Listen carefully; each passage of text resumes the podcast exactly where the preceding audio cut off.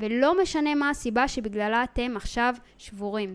ברגע שתשנו את השאלה, ברגע שתפתרו את זה בחיים שלכם, זה יפסיק לחזור אליכם במעגלים.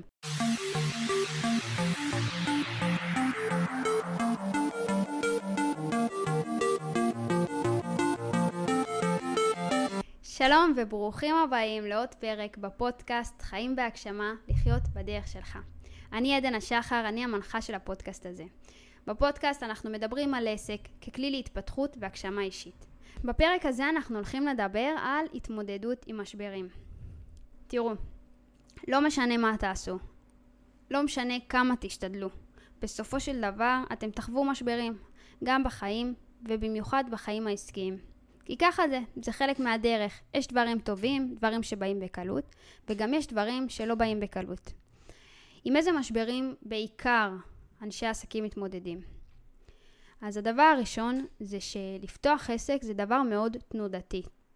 לפעמים אנחנו לא חווים הצלחות, לפעמים אנחנו חווים הצלחות בצורה מאוד משמעותית, לפעמים ירידה, לפעמים עוד פעם זה ישר, ובעצם החוסר יציבות הזאתי היא משפיעה עלינו, כי אנחנו כל הזמן תנודתיים, וכל בן אדם רוצה את היציבות שלו, רוצה את הוודאות שלו. אנחנו, יש לנו תשלומים, יש לנו דברים שאנחנו רוצים לעשות, ו- וזה קשה לחיות בצורה כל כך תנודתית. אז בשביל לפתור את זה, המטרה שלכם היא לנסות להגיע למצב שאתם כמה שיותר מאוזנים. מה זאת אומרת? אתם לא יכולים כבעלי עסקים למכור את השירות שלכם ומחודש לחודש להתקיים כלכלית בלי לדעת מה יהיה חודש הבא, שחודש הבא אולי תכניסו כסף, חודש הבא לא תכניסו כסף ולכן אתם תרצו לייצר לעצמכם יציבות. איך אפשר לייצר יציבות?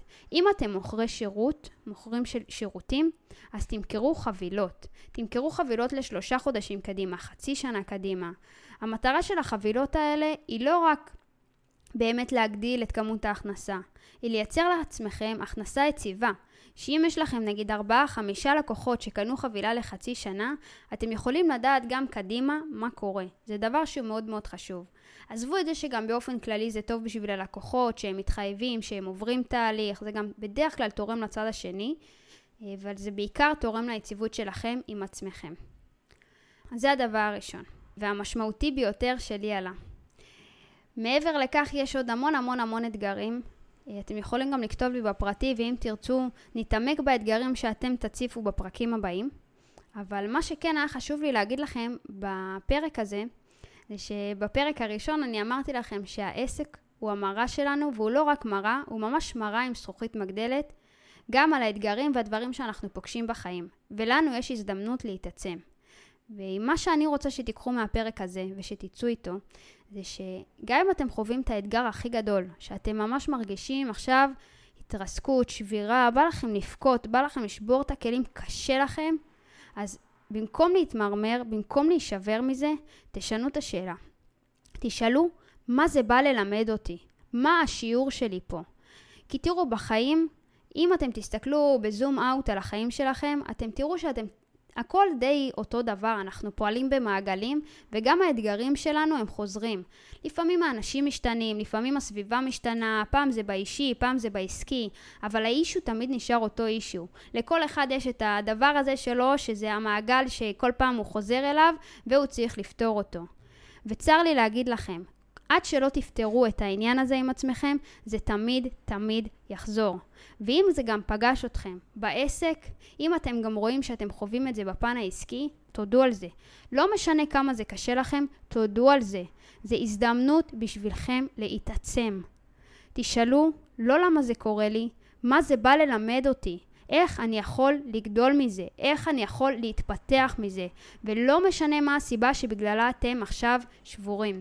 ברגע שתשנו את השאלה, ברגע שתפתרו את זה בחיים שלכם, זה יפסיק לחזור אליכם במעגלים.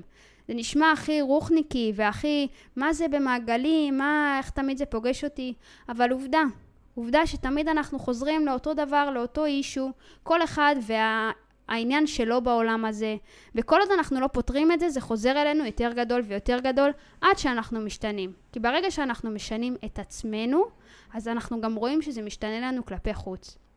כי הסביבה החיצונית זה לא יותר מהשתקפות שלנו עצמנו בפנים.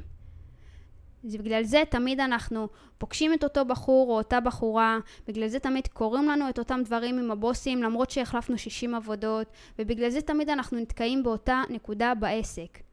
כי בסוף זה כולה השתקפות של הדברים בתוכנו. אז בואו נודה על מה שאנחנו חווים.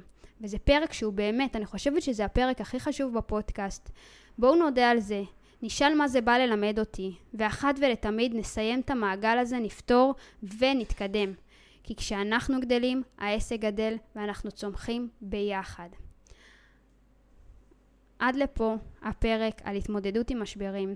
בפרק הזה הצפתי בהתחלה את האתגר הכי נפוץ שאני שומעת של התנודתיות, נתתי לכם טיפ קטן להתמודד איתו, ובחלק השני דיברנו על הדבר הבאמת באמת חשוב, של איך אנחנו ניגשים ברמת ה mindset שלנו להתמודד עם אתגרים בעסק.